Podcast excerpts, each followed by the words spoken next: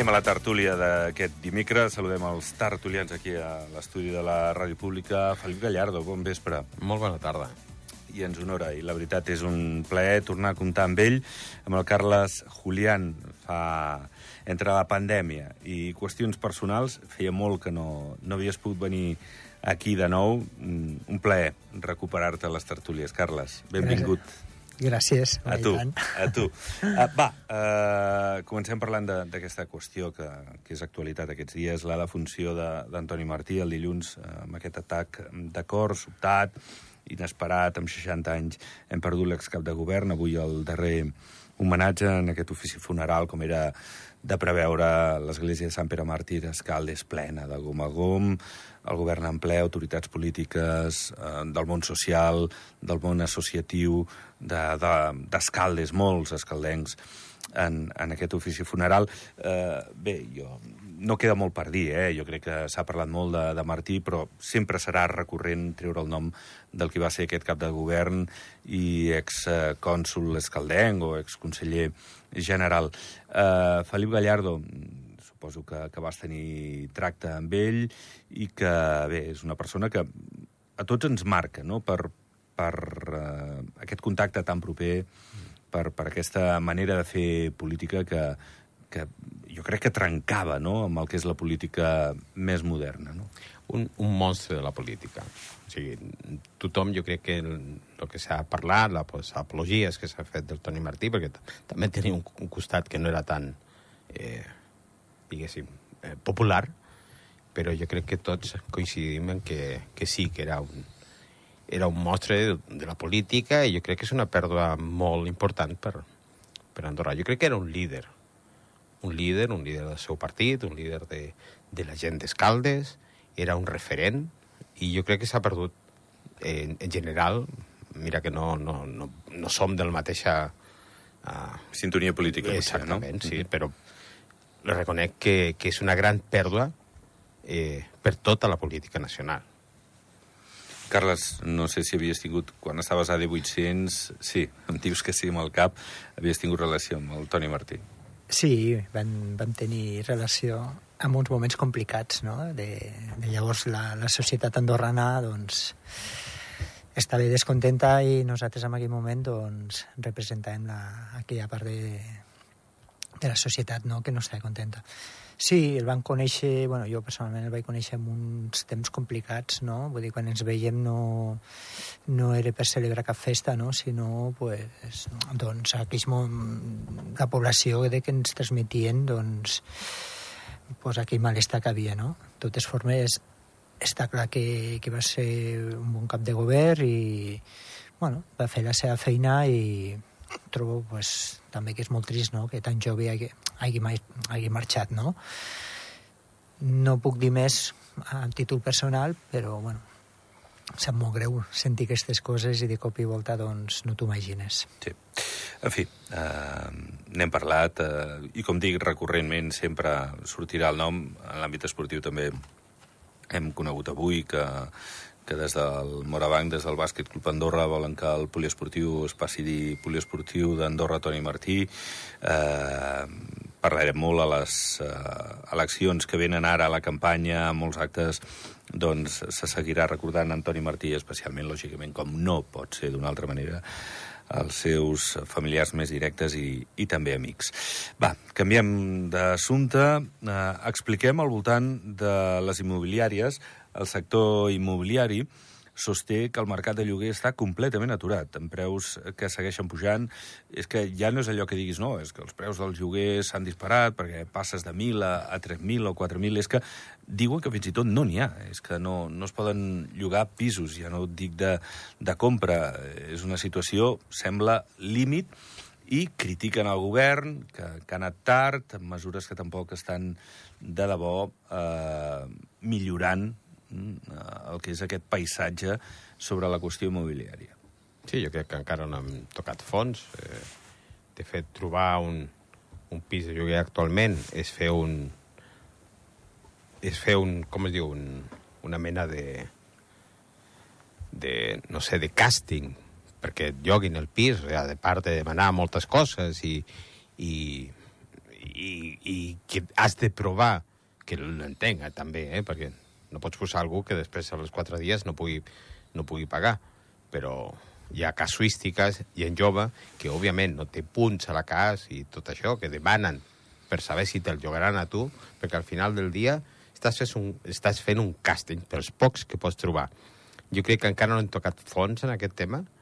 Eh, les mesures mm, són a mitjà i llarg termini. O sigui, no veig que, que d'aquí abans de Nadal o quan arribi tota la gent, que més o menys una previsió hi ha dels temporers, de que es puguin quedar en allotjaments de les, de les pròpies pistes, però a part d'això, jo no veig una solució a curt termini, no la veig. I aquesta moratòria que s'està parlant, després de la manifestació l'altre dia, pues és que jo crec que s'ha de sentir lo, o sea, lo que està passant i s'han de fer les mesures que s'han de d'alguna manera s'han de, s'han de prendre. Però bueno.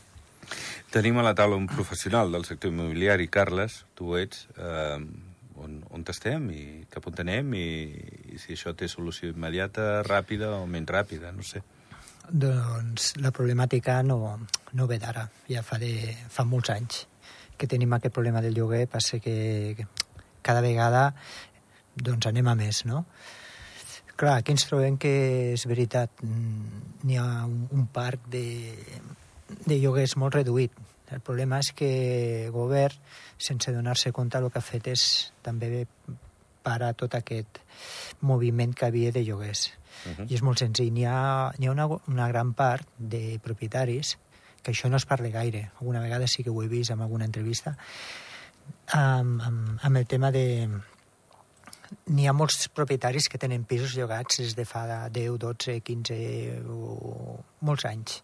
Uh -huh. mm, ho tenen parat amb uns lloguers molt, molt baixos. No han pogut cobrar eh, la, eh, cap tipus de pujada durant molts anys. Uh -huh. que ara, ara sí, ara l'IPC des, de, des de fa dos anys doncs s'han començat a aplicar. Uh -huh. Què passa? Que la gent que viu en aquests pisos de cap manera ho deixaran perquè estan pagant un preu per sota del preu real. Sí. Tot això dificulta molt perquè, clar, mm, imagina't que algú doncs, viu en un pis de dues habitacions, ha tingut fills però no pot canviar un pis de tres habitacions perquè passa d'un preu antic, per dir alguna de 600 euros a, a 1.600, no?, per un pis de tres habitacions.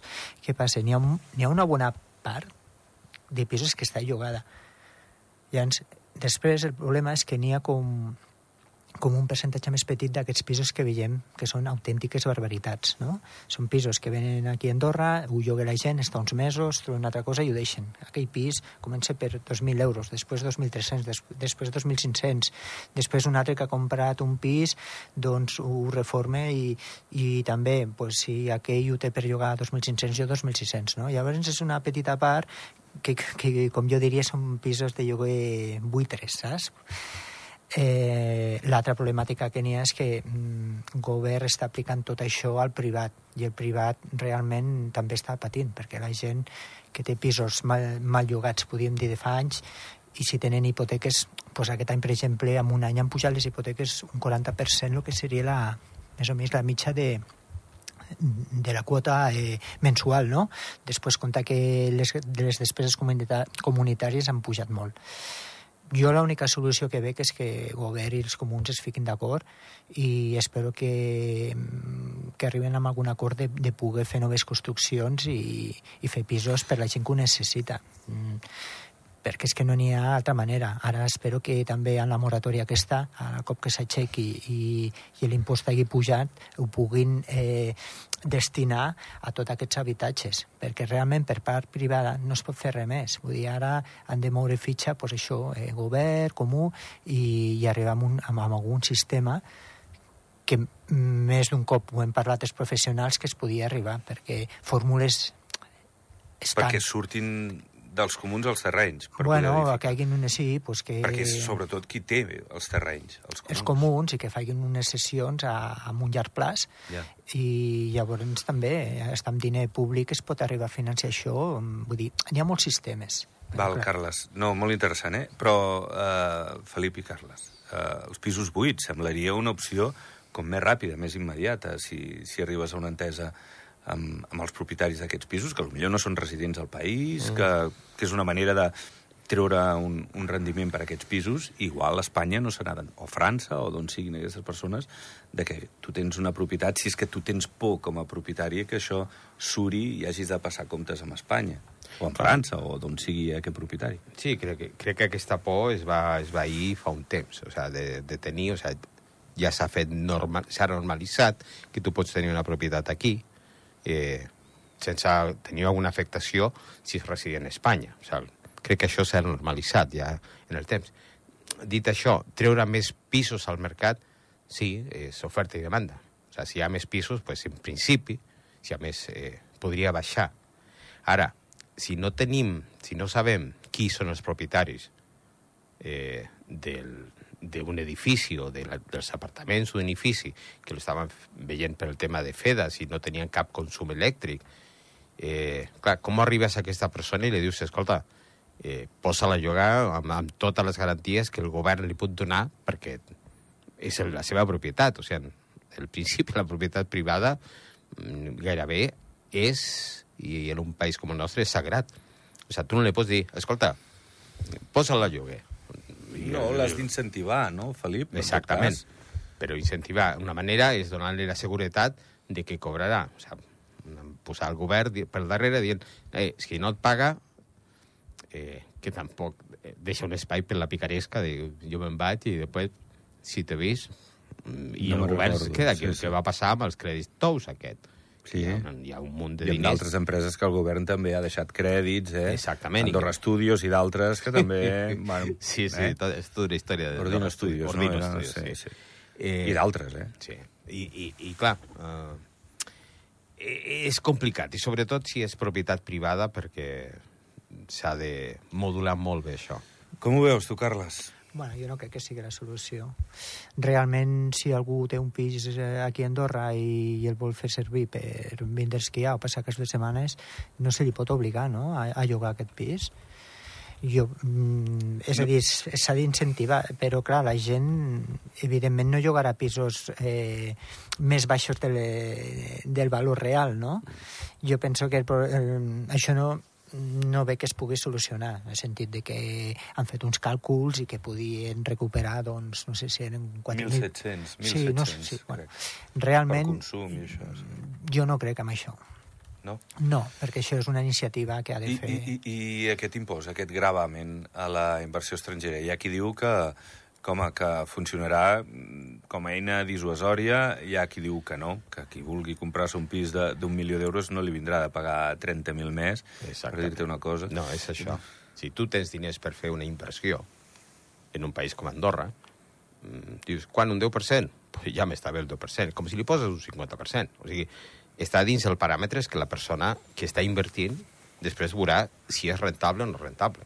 O sigui, mm. dissuasori un 10% mm, no sé, dubto Potser molt. és més gran, sí, un 10% igual sí, dissuadeix però, més, clar, però... si el fes més sí. gran, pues no vindrà ni el tato. O sigui, és l'altre costat. O sigui, volem tapar uh, el forat i, i al final el taparem del tot i no vindrà, no vindrà ningú. Eh, que és molt complex, jo crec que el, el problema de l'habitatge té moltes aristes i que s'han de fer aquestes eh, accions. Mm, però totes les que veig que es puguin fer van de mig a llarg termini. O sigui, jo calculo que això no el veurem fins que no acabi el govern aquest, aquest govern, o sigui, d'aquí al 2020 i no sé què, pues no veurem alguna solució. Carles, això del gravamen... Bueno, personalment jo tampoc no hi crec, sincerament, perquè de totes formes eh, ara amb la, amb la moratòria que han fet i després si la gent ha de pagar més, doncs parlem, sí, és que tenen més diners, però clar, comprar un pis d'un milió i tindre que pagar 100.000 euros d'impostos a tothom li pique la butxaca.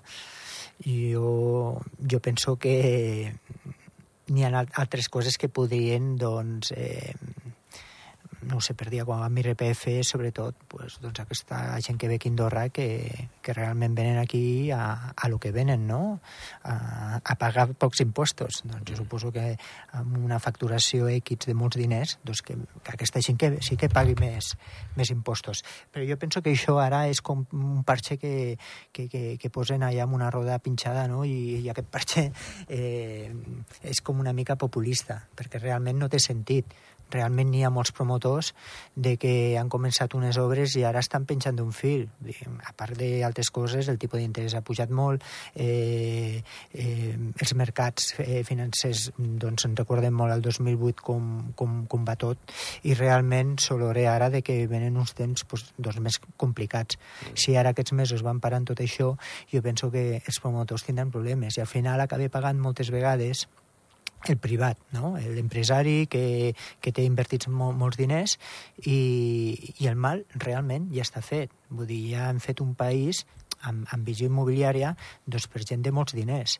I el problema que hem fet a Andorra aquests anys és que no hem fet ni, ni una edificació per gent del país perquè pugui viure. Ja dic per comprar. I, i parlem que avui en dia el lloguer ja és un gran luxe. Ja comprar ja podem descartar.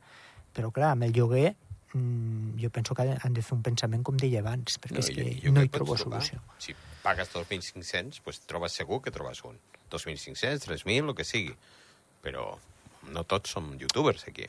Però fa vergonya, eh? A vegades ja. nosaltres ens trobem pues, propietaris que volen anar a llogar amb uns preus abusius, no? Llavors també no, nosaltres ens trobem amb l'ètica que moltes vegades eh, deixem de costat no, aquell pis perquè és que no sé, és com que entres una mica a la roda i, i, i no és normal, vull dir, perquè no és normal. Ara m'ha arribat ja al punt aquell, jo amb 20, quasi 25 anys que porto en aquest món he vist no, que puja molt amb el preu, sobretot de venda, però lo, lo dels lloguers és, és una barbaritat, no ho havia vist mai. I després que també et dic una cosa, això fa 5, 6, 7 anys m'atreviria a dir que teníem aquest problema de, dels lloguers. Bé, eh, el govern espera recaptar amb el gravamen un, entre 10 i 12 milions d'euros. Aquesta és la previsió que han fet l'any que ve. Ha descartat comprar més edificis per rehabilitar i, home, jo et dic una cosa, si es pogués recaptar això, no sé si és optimista o no. Aquest any fins a l'agost portaven en un, en un estudi fet per ells, que clar, l'impost encara no estava aplicant-se, calculant que al voltant de 8 milions haguessin ingressat. L'any passat, 14. Vull dir que, bueno, eh, tot això, tot el que és benefici d'això, es reinverteix en, en habitatge, però no en compra. No volen comprar més, sinó estimular o incentivar d'alguna altra manera. No, perquè és, és propi del, del govern. O sigui, el govern no, no és un gestor immobiliari eh, i no és el seu negoci ni el seu mm, tarannà administratiu amb això fa la gent que es guanya la vida amb això, o el, o el, el propietari. Eh, és un pedaç de, que es pot fer en aquesta època, però eh, no som eh, no som altres països que, que sí que tenen pisos socials i, i cosa d'aquestes, perquè, a més, qui, qui anirà a demanar un pis social eh, quan tu dius, mira, no, és que el que guanyes entre tu i la teva dona i, pues, no estàs en el llindar de... Però, clar, no estàs en el llindar de pobresa o per demanar aquestes, aquestes ajudes. I al final del dia, pues, no tens... Eh, no les pots demanar perquè eh, encara que estigues pagant un pis que et suposa el 40 o el 50% dels teus ingressos, no, no arribes a aquest... Perquè, perquè estàs amb una altra persona i que no, no, no, no arribes a aquest llindar. O sigui, és molt complicat i jo crec que no, Bé, hem parlat avui a l'informatiu dels temporers, de les dificultats que tindran un any més. Vull dir, cada vegada va més en augment. Uh, què farem? Uh, on, on els ficarem? Saturació total. Realment, continuem amb el problema i, i qui més pateixen són aquests, els temporers perquè aquesta gent ve aquí i realment mm, és que no tenen lloc en dormir és a dir, mira, ets d'aquí del país, et pots espavilar amb algun familiar o amb algun amic o, o el que sigui, però aquesta gent realment eh, estan, els veus molt desesperats buscant qualsevol lloc. Clar, arriba un punt que bueno, penso que els comuns ajuden una mica amb tot aquest tema de relacionat als temporers que venen a, a treballar les pistes d'esquí, no? Uh -huh. Però jo penso que venen molta gent aquí molt, i, i molta gent també ha de marxar perquè es donen compte que no tenen no. un lloc per dormir. O però que sigui assequible, o sea, és això. O sea, si estaran treballant eh, per pagar el sofà que han de, han de pagar, eh, se- serà complicat pels temporers que, que puguin venir i que no tinguin aquesta mm, eh, avantatge que donen un, un comú o que de- un, un, un gran valira que tenen llocs on allotjar a molta part del seu, del seu personal. Però clar, hi ha personal que ve i que fa falta, perquè la riquesa es produeix amb això, amb personal que tenim d'aquí, o sigui, el nostre personal. I si A no veure. tenim amb, amb ficar-lo... A veure, escolteu, hem conegut avui eh, dades. Primer, el cens electoral puja, lògicament, a totes les parròquies, el cens amb respecte al 2019. Canillo mola. La Canillo molt, eh? Canillo Molt. molt. El 16% és la que més. El 13% a la Massana, també, déu nhi deixa'ls anar. 11% d'increment en Camp, 10% Sant Julià. Andorra la Vella, un 6,5%. Escaldes, un 7,4%. És a dir, són les parròquies que menys electors tenen. Per què? Pues m'imagino que té a veure igual amb el tema de l'habitatge. Sí, exacte. Perquè jo sóc nacional o aconsegueixo el passaport en aquests quatre últims anys, però no puc viure a Andorra. I me'n vaig a Canillo, o me'n Mm. vaig a alguna altra parròquia de la Massana, o, o alguna altra parròquia que potser em resulti més econòmic i em censo en aquell comú, no? Sí. No, i ha augmentat, i a més, es nota que... El, el, I Canillo ha crescut molt. Sí, sí. Es nota a l'escola. Es nota la quantitat de, de nouvinguts que, que a la- a l'escola i precisament és que això, és que Canillo mola. Era una, una hashtag Canillo la mola. Massana també, Carles, és la segona, la Massana en creixement, Home, Déu-n'hi-do, no? eh? Aquí, Canillo, es la veu Massana... molta gent, la Massana realment sí. hi ha molt, mo- molt moviment. Andorra està, està plena de gent.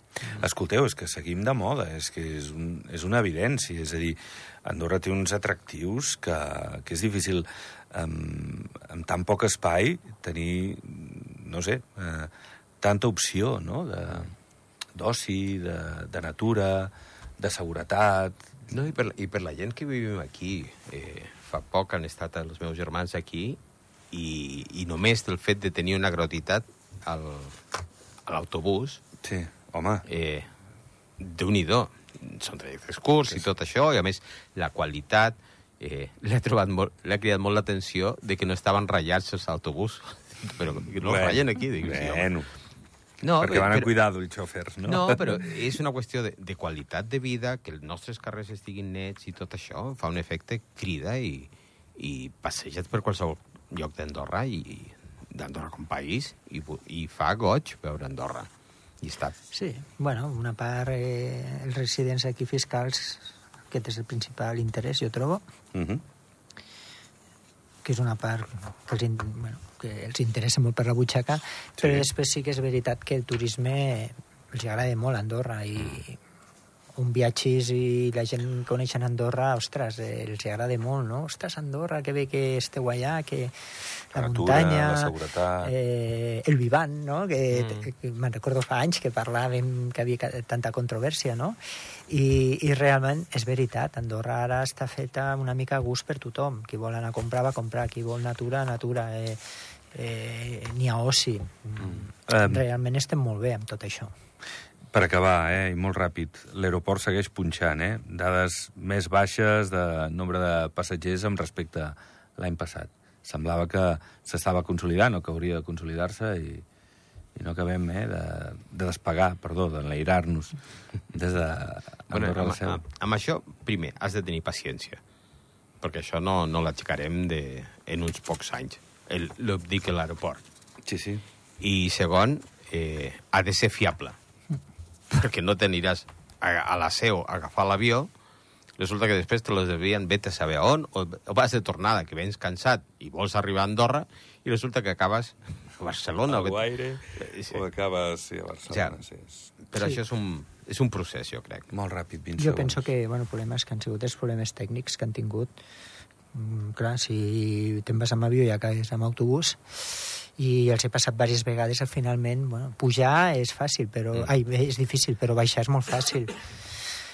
penso que ha sigut aquests problemes que la gent ja no confia. La confiança, sí. Va, deixem-ho aquí. Uh, moltíssimes gràcies, Felip. Fins la pròxima. A disposar. I Carles, també. Uh, un plaer retrobar-te. Fins a la Gràcies. pròxima. Fins la pròxima. Pleguem veles, ho deixem. Demà hi tornem a les 7. Que vagi molt bé. Bon vespre.